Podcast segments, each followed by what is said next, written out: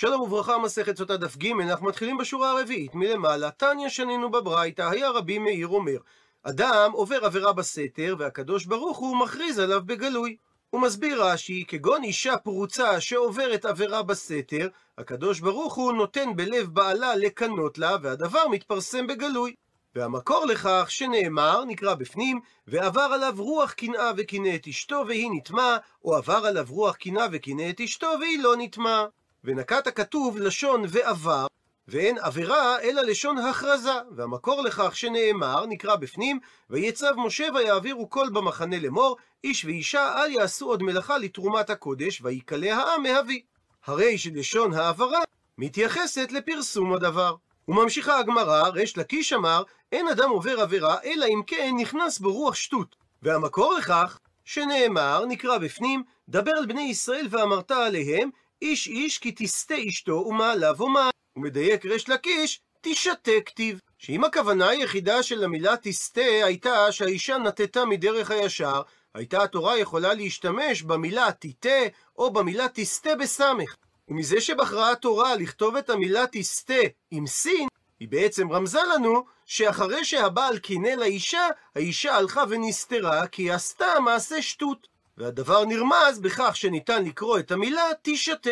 וממשיכה הגמרא, תנא דבר רבי ישמעאל, שנה חכם בבית המדרש של רבי ישמעאל את הברייתא הבאה.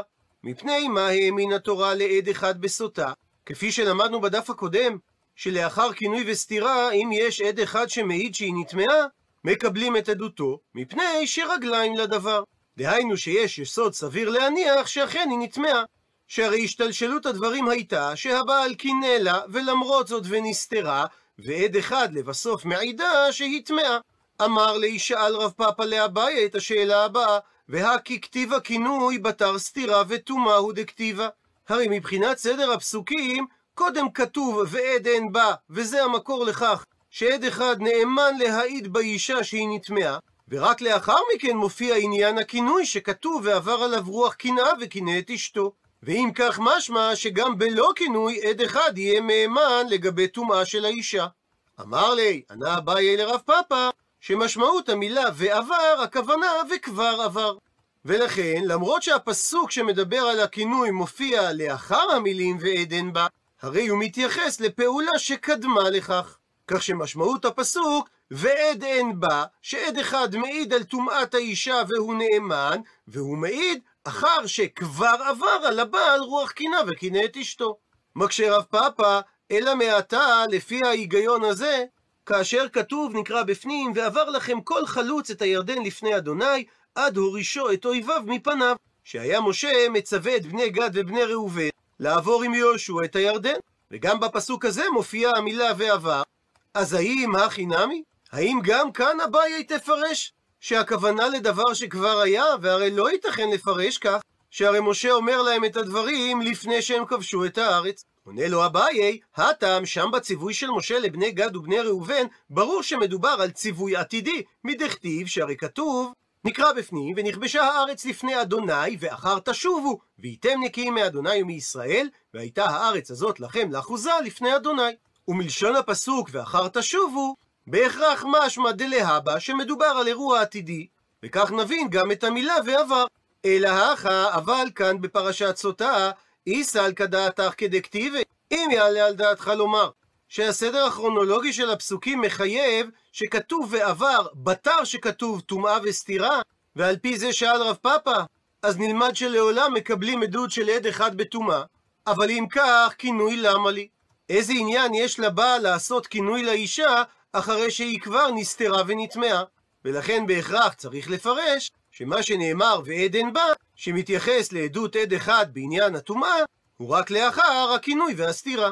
וממשיכה הגמרא, תנא דבר רבי ישמעאל, שנו את הברייתא הבאה בבית מדרשו של רבי ישמעאל. אין אדם מקנא לאשתו, אלא אם כן נכנסה בו רוח. והמקור לכך שנאמר, ועבר עליו רוח קנאה וקינא את אשתו. ושואלת הגמרא, מהי הכוונה רוח? מביאה על כך הגמרא שתי דעות. רבנן, ומעיר רש"י שלא מדובר על דעת חכמים מהמשנה, אלא על החכמים מבית מדרשו של רב אשי, שאמרי שמדובר על רוח טומאה. רב אשי לעומת זאת אמר שהכוונה לרוח טהרה. ואומרת הגמרא, ומסתברא, מסתבר לומר, כמאן דאמר שזה רוח טהרה, שזה דעת רב אשי דתניא, שככה הרי שנינו בברייתא. על הפסוק וקינא את אשתו ישנה מחלוקת תנאים. דעה אחת אומרת שזה רק רשות ואין חובה לבעל לקנא את האישה. זה דברי רבי ישמעאל. רבי עקיבא לעומת זאת אומר שיש חובה לבעל לקנא לאשתו. עד לכאן לשון הברייתא ומוכיחה הגמרא. אי אמרת בישלמה, נוח לי אם אתה מסביר שהכוונה כמו שאמר רב אשי, שקינא את אשתו זה שעברה עליו רוח טהרה, שפיר. אז מובנת מחלוקת התנאים, האם מותר או חובה לבעל לקנא על אשתו? אלא היא אמרת שהרוח הכוונה לרוח טומאה, כיצד ייתכן לומר שלפי רבי ישמעאל יש רשות לבעל, ולפי רבי עקיבא וחובה לבעל, לאיו לילאיניש רוח טומאה בנפשי. לקנא לאשתו, ועל ידי כך להכניס לנפשו רוח טומאה. ולכן מסתבר, כדברי רב אשי, שרוח הכוונה רוח טהרה. ואומרת הגמרא גופה, בוא נעסוק בגופם של דברים שהזכרנו קודם, שאמרה הברייתא על הפסוק וקינא את אשתו, שיש בדבר מחלוקת תנאים. האם יש רשות לבעל לקנא, זה דברי רבי ישמעאל, ורבי עקיבא חולק ואומר שיש חובה לבעל לקנא. ומביאה הגמרא שתי מחלוקות נוספות על אותו עיקרון, שכתוב בתורה שלכהן אסור להיטמע למתים, ואומרת התורה, ולאחותו הבתולה הקרובה אליו אשר לא הייתה לאיש, לה ייטמע. וגם במקרה הזה ישנה מחלוקת תנאים, האם יש רשות לכהן להיטמא לאחותו הבתולה, זה דברי רבי ישמעאל, ורבי עקיבא חולק ואומר שחובה עליו להיטמא לה. מחלוקת שלישית על אותו עיקרון, שנאמר לגבי עבד נוכרי, והתנחלתם אותם לבניכם אחריכם לרשת אחוזה, לעולם בהם תעבודו, ובאחיכם בני ישראל, איש באחיו לא תרדה בו בפרך. וגם במקרה הזה, מה שאמרה התורה לעולם בהם תעבודו, נחלקו התנאים, האם זה רשות דברי רבי ישמעאל, רבי עקיבא לעומת זאת אומר שזה חובה, ולכן אסור ליהודי לשחרר את עבדו הגוי. אמר לי, שאל רב פאפא לאביי, ואמרי לה, ויש אומרים ששאל רב שיעה לרבה את השאלה הבאה, לימה, האם נאמר שרבי ישמעאל ורבי עקיבא בכל התורה כולה הכי פליגי? שבכל מקום שיש ציווי עשה בתורה, הם נחלקו, דמר שזה רבי ישמעאל, אמר שזה רשות, ומר שזה רבי עקיבא, אמר שזה חובה? והרי אם כך, אז אין לך בכלל מצוות עשה לפי רבי ישמעאל שהם חובה. אמר לי, ענה לו אביי לרב פאפא, או שענה רבא לרב משרשיה, הכה בקראי פליגי, כאן בשלוש המחלוקות שהוזכרו, מדובר על מחלוקות נקודתיות בהבנת הפסוקים. מבארת עכשיו הגמרא כל מחלוקת בפני עצמה. בסוטה נאמר וקינא את אשתו, כאשר זה רשות דברי רבי ישמעאל, ורבי עקיבא חולק ואומר שזה חובה. ושואלת הגמרא, מה איתה דרבי ישמעאל? שפירש את לשון התורה כרשות ולא כחובה, עונה הגמרא שסבר לרבי ישמעאל כי היי תנא, כשיטת התנא של הברייתא הבאה, דתניא, רבי אליעזר בן יעקב אומר, כלפי, במשמעות של כנגד מה שאמרה תורה, לא תשנא את אחיך בלבביך, אז יכול הייתי לשאול, כגון זו, האם זה תופס גם במקרה שבעל רואה את אשתו מתנהגת בפריצות? תלמוד לומר, ועבר עליו רוח קינה וקינא את אשתו, שבמקרה כזה רשאי הבעל לקנא לאשתו, למרות שבהכרח ייתכן שזה יגרום לו לעבור על לא תשנא את אחיך בלבביך. אבל בכל שאר מצוות עשה שבתורה, לא אמר רבי ישמעאל שהם רשות. וממילא שואלת הגמרא ורבי עקיבא שאמר שזה חובה, מדוע הוא לא לומד כרבי ישמעאל? עונה הגמרא מפני שכינוי אחרין הכתיב. בפסוק מופיע פעמיים וכינא את אשתו, פעם אחת כפי שלמד רבי ישמעאל לתת רשות לבעל לקנא לאשתו למרות שכתוב לא תשנא את אחיך בלבביך, ופעם אחת נכתבה כדי לחייב את הבעל. וממילא נשאלת השאלה ורבי ישמעאל, מה הוא לומד מהפעם השנייה שנאמר וקינא את אשתו? עונה על כך הגמרא, איידי דבאי למי יכתב. אגב, כך שהייתה התורה צריכה לכתוב, והיא נטמעה והיא לא נטמעה, כדי ללמד אותנו שאף שיש ספק בידינו אם היא נטמעה, בכל זאת עשרה הכתוב מספק, כתיב נמי, כתבה התורה גם וקינא את אשתו. וזה בהתאם לכדתנא דבר רבי ישמעאל, שאמר דתנא דבר רבי ישמעאל, כל פרשה שנאמרה ונשנית. בתורה לא נשנית אלא בשביל הדבר שנתחדש בה. ואת שאר הפרטים עליהם חזרה התורה, זה רק עבור סיפור מסגרת, ולא מפני שגם בהם מתחדש דבר. עד לכאן פירוש המחלוקת הראשונה בפסוקים בין רבי ישמעאל ורבי עקיבא לגבי סוטה. ועוברת עכשיו הגמרא למחלוקת השנייה. כתוב לה יטמע, כאשר הדבר רשות לפי דברי רבי ישמעאל, ורבי עקיבא אומר שהדבר חובה. ושואלת הגמרא, מה איתמא דרבי ישמעאל? הרי לכאורה מלשון הפסוק משמע שיש ציווי על הכהן להיטמע לאחותו. מתרצת הגמרא, אי דדקטיב, אגב כך שכתוב. נקרא בפנים, ויאמר אדוני אל משה אמור אל הכהנים בני אהרון ואמרת עליהם לנפש לא ייטמע בעמיו. דהיינו שאסור לכהן להיטמע למתים, לכן איץ דריכא למכתב לה ייטמע, שמותר לכהן להיטמא לקרובים הללו. וממילא נשאלת השאלה ורבי עקיבא, למה הוא לא דורש כרבי ישמעאל? עונה על כך הגמרא, שרבי עקיבא דורש, מכי זה שכתוב, נקרא בפנים, כי אם לשארו הקרוב אליו, לאמו ולאביו ולבנו ולביתו ולאחיו, הרי שמהמילים אם לשארו, נפקא. ממילא יוצא לנו שמותר לכהן להיטמא לקרובים הללו. אז אם כך, המילים לה ייטמע, למה לי? אלא בהכרח שהן באות כדי לומר שלחובה על הכהן להיטמא להם. וכמו בפינג פונג חוזרת השאלה ורבי ישמעאל, מדוע הוא לא דורש כרבי עקיבא? עונה הגמרא שמהמילים לה ייטמע, לומד רבי ישמעאל, לה הוא מטמא, ואין מטמא לאיבריה. שמותר לכהן להיטמע רק אם היא מתה, ואסור לו להיטמע לאחד מאיבריה, שנפל ממנה כאשר היא עדיין בחיים. שהרי לומדת הגמרא בחולין, שאיבר שנפל מן החי מטמא, כמו איבר שנפל מן המת. הפכנו דף, וממילא נשאלת השאלה, ורבי עקיבא, מהיכן הוא ילמד את הדין שלמד רבי ישמעאל מהמילים לה ייטמע, שלכהן מותר להיטמא לאחותו כאשר היא מתה, ולא לאחד מהאיברים של אחותו שנפל ממנה, כאשר היא עדיין בחיים. עונה הגמרא, אם כן, שהמילים לה ייטמע לא באות ללמד שיש חובה לכהן להיטמע לה, אלא עבור הדרשה שלמד רבי ישמעאל, אז לכתוב רחמנה רק את המילה לה ולשתוק. ואז משמעות הפסוק, לנפש לא ייטמע בעמיו, כי אם לשארו וגומר, ולאחותו הבתולה, לה. כלומר, לגופה שלם ולא לאיבריה. אלא המילה ייטמע שהוסיף הפסוק למה לי, אלא בהכרח שמע מינה, שיש פה איתור שמלמד שיש חובה על הכהן להיטמע לה.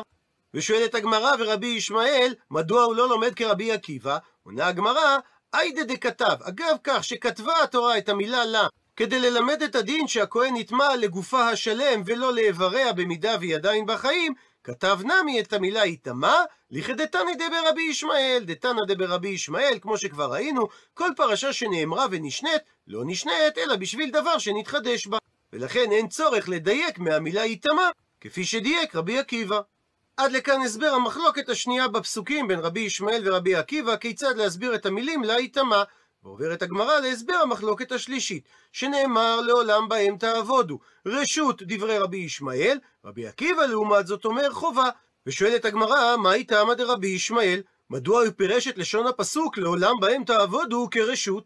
עונה הגמרא, היידה דכתיב, אגב כך שכתוב, נקרא בפנים, רק מערי העמים האלה אשר אדוני אלוהיך נותן לך נחלה, לא תחיה כל נשמה. אז איצטריך נמי למכתב. כנגד זה הייתה התורה צריכה לכתוב, לעולם בהם תעבוד. כדי למישרי להתיר כאשר אחד מכל האומות שאינו משבעת האומות שהיו בארץ ישראל, שבא לכנענית והוליד ממנה בן, שאתה רשאי לקנותו לעבד. והמקור לכך דתניא שכך שנינו בברייתא. מניין לאחד מן האומות שבאה לכנענית והוליד ממנה בן שאתה רשאי לקנותו בעבד? תלמוד לומר, נקרא בפנים, וגם מבני התושבים הגרים עמכם, מהם תקנו, ממשפחתם אשר עמכם, אשר הולידו בארציכם, והיו לכם לאחוזה. מפני שאצל הגויים הייחוס הולך אחר האב, ולכן גוי שהוא משאר שבעים האומות שבאה לכנענית, שזה שם קוד לכל אחת מזין האומות שהיו בארץ ישראל שנקראו על שם כנען, הרי הילד נחשב אחרי האבא, ולכן מותר להחיותו לך לעבד. וממילא נשאלת השאלה, ורבי עקיבא, מדוע הוא לא למד כרבי ישמעאל? עונה הגמרא, שממהם תקנו נפקא. ההיתר להחזיק עבד שאימא שלו כנענית ואבא שלו גוי משבעים האומות, נלמד מהמילים מהם תקנו. ואם כך, המילים לעולם בהם תעבודו, למה לי? אלא בהכרח שהן באות ללמד לחובה, שאסור לשחרר את העבד הכנעני.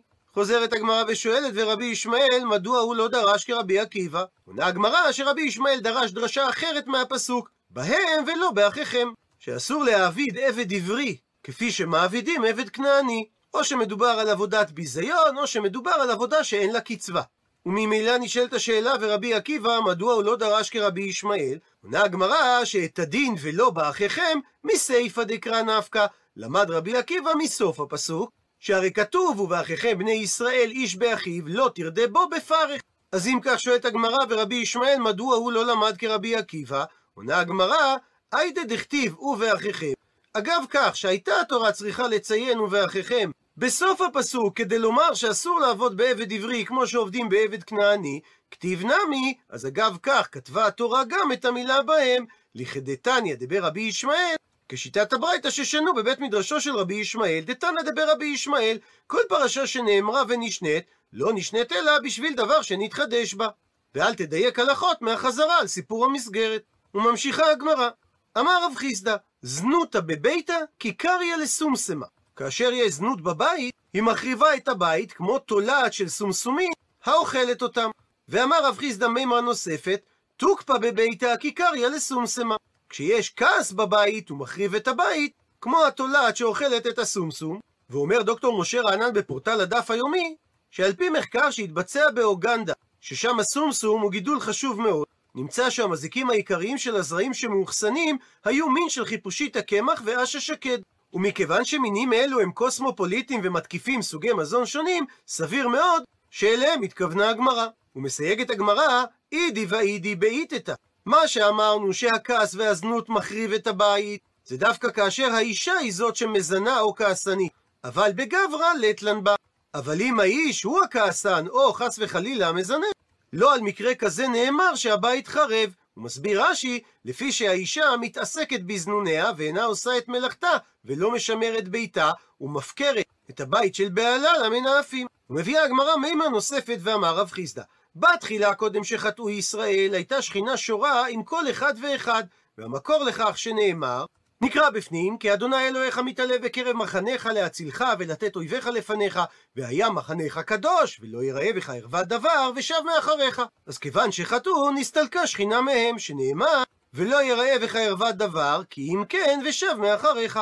וממשיכה הגמרא, אמר רבי שמואל בר נחמני, אמר רבי יונתן, כל העושה מצווה אחת בעולם הזה, מקדמתו והולכת לפניו לעולם הבא. והמקור לכך שנאמר, פסוק בישעיהו נקרא בפנים, אז ייבקע כשחר אורך, וארוחתך מהרה תצמח, והלך לפניך צדקך, כבוד אדוני יאספך.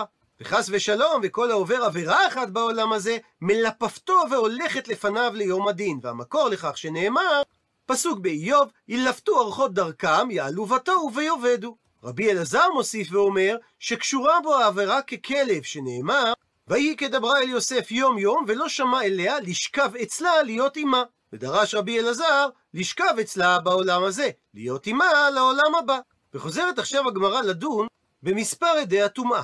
תנן הטעם ששנינו שם בדף ל"א על מה שאמרה המשנה שכאשר עד אחד אומר ראיתיה שנטמעה, מאמינים לו והיא לא הייתה שותה את מי המים המרים, שהיה בדין, שלכאורה היה צריך לומר את הקל וחומר הבא. ומה העדות הראשונה? על כך שהאישה נסתרה, שאין העדות הזאת או סרטה איסור עולם, שהרי היא עדיין מותרת לבעלה ולאכול בתרומה עם בעלה כהן, ובכל זאת העדות הזאת אינה מתקיימת בפחות משניים, אז עדות האחרונה, שהיא העדות על הטומאה, שאוסרתה איסור עולם, אז אינו דין שלא תתקיים בפחות משניים? וכנגד הקל וחומר הזה, תלמוד לומר, באה התורה ואמרה, ועד אין בה. אלא כל עדות שיש בה, על כך שהיא נטמעה מקבלים. ואומרת עכשיו המשנה, קל וחומר הפוך. וקל וחומר לעדות הראשונה, שהרי מעתה ומה העדות האחרונה, שאוסרתה איסור עולם?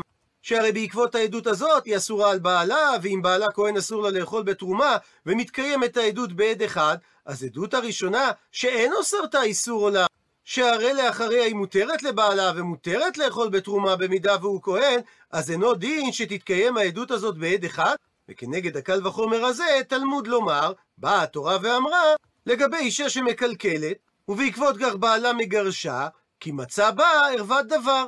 ולהלן הוא אומר, לגבי דיני ממונות, על פי שני עדים או על פי שלושה עדים, יקום דבר. ולומדים גזירה שווה מהמילה דבר שנאמרה בשני הפסוקים. מה דבר האמור להלן? לגבי עדות ממון הוא דווקא על פי שניים עדים. אף כאן, בעדות שקשורה לטומאה, רק על פי שניים עדים.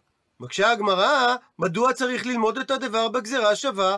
היי, האם זה מקים מצא בה ערוות דבר נפקא הוא נלמד? והרי מבא נפקא, הדבר נלמד מהמיעוט בא שנאמר ועד אין בא, בא ולא בכינוי, בא ולא בסתירה מבא אלי. שנלמד שצריך שני עדים להעיד על הסתירה ולא מספיק עד אחד, מהמיעוט של המילה בא, ומדוע למדה המשנה את הדין הזה מגזרה שווה? מתרצת הגמרא, הכי נמי כאמר. כך גם התכוונה המשנה לומר, שהסיבה לדחות את הקל וחומר זה אכן מפני שתלמוד לומר בא, ולומדים בא ולא בכינוי, בא ולא בסתירה. והמשך המשנה בעצם בא כתשובה לשאלה שלא נמצאת בפנינו, וטומאה בעלמא, שיש עליה עדות, כאשר היא בלא כינוי ובלא סתירה לפני כן, דלא מהימן בה יד אחד מנהלן. מה המקור לכך? על זה ענתה המשנה, שנאמר כאן כי מצא בה ערווה דבר. ונאמר להלן בדיני ממונות, על פי שני עדים או על פי שלושה עדים יקום דבר. ולומדים בגזרה שווה, מה דבר האמור להלן? מדובר בעדים שניים. אף כאן, בעדות טומאה, שהיא לא אחרי כינוי וסתירה, דווקא על פי עדים שניים. עד לכאן דף ג' למעוניינים בהרחבה, דימה רבי אלעזר, אדם שעובר עבירה אחת בעולם הזה, כאילו העבירה קשורה בו ככלב. דוקטור משה רענן בפורטל הדף הימי מביא על הדבר ארבעה הסברים. ההסבר הראשון הוא ההסבר הפשוט שהכלב, חברו הטוב ביותר של האדם, כרוך אחריו ומלווה את בעליו לכל מקום שאליו הוא הולך. הצעה זו נראית דחוקה מעט אם נתייחס לתפקידו והתנהגותו של הכלב בתקופת חז"ל, כי מסתבר שהכלבים באותה עת לא שימשו כחיית מחמד, אלא נועדו לשמירה, ולכן הם שהו בחצרות הבתים או במחסנים. הם היו תוקפנים ומאיימים, וקשה להניח שנהגו לבלות בחברתם בדומה לכלבים בימינו. קשר אפשרי נוסף זה בין הכלב לאדם שהוא מזהה כמי שמאכיל אותו. אפשרות שלישית להסביר זה העובדה שהכלב היה בעל החיים היחיד שהתנאי לגידולו היה קשירה, כפי שאומרת המשנה במסכת בבא קמא, לא יגדל אדם את הכלב, אלא אם כן היה קשור בשלשלת, וייתכן אם כן שהביטוי קשורה בו ככלב, נובע מהעובדה שהכלב הוחזק או הובל קשור. ההסבר הרביעי, שאולי ההקשר של דברי רבי אלעזר מרמז על האפשרות שהכוונה לקשר שקיים רק בכלבים, והוא מאפיין עבירה מיוחדת שעליה דיבר רבי אלעזר. העבירה היא כנראה גילוי עריות, וכך גם ניתן להבין את הראייה מהמעשה של אשת פוטיפר, ולא שמע אליה לשכב אצלה להיות עמה, לשכב אצלה בעולם הזה, להיות עמה לעולם הבא. הרעיון הזה עולה במפורש גם ממדרש תנחומה, וכך אמר ליוסף, אפילו פנויות שלכם אסורות לנו, כל שכן אשת איש, ולא שמע אליה לשכב אצלה להיות עמה, לשכב אצלה בעולם הזה להיות עמה לעולם הבא בגיהנום. ממה שאמר הכתוב להיות עמה, את למד שהבעל עובדת כוכבים, קשורה בו ככלב וכולי. ההקשר לאיסורי עריות רומז למצב מיוחד שקיים בכלבים, והוא נובע מהמבנה האנטומי המיוחד של אברי ההולדה שלהם. מבנה זה מפעיל מנגנון המחבר בין הזכר והנקבה במשך זמן ממושך יחסית למיני בעלי חיים אחרים. בני הזוג נשארים מחוברים זה לזה עד כחצי שעה מבלי שהם יכולים להתנתק. בדרך זו הבין את הביטוי המהרשה בחידושי אגדות, וכך הוא כותב. רבי אלעזר הוסיף לומר, בעבירה קשורה בו ככלב, כמו שהכלב נקשר לגנותו בתשמיש, כן הבועל הכנענית עורלתו מבשקר לי להיות עמה בעולם הבא. בפירוש הדבר, רצה לומר שהעבירה הדבוקה בו לעולם, לפרסם חטאו בעולם הזה. ויאליף לי, לומדים את הדבר מזה שכתוב לשכב אצלה, ולא כתיב לשכב עמה, כמו שכבה עמי. ואמר עוד מאיתורא, דלהיות עמה, שהיא קשורה בו עוד, להיות עמו גם בגיהנום לעולם הבא. והוא מסיים, וקל להבין.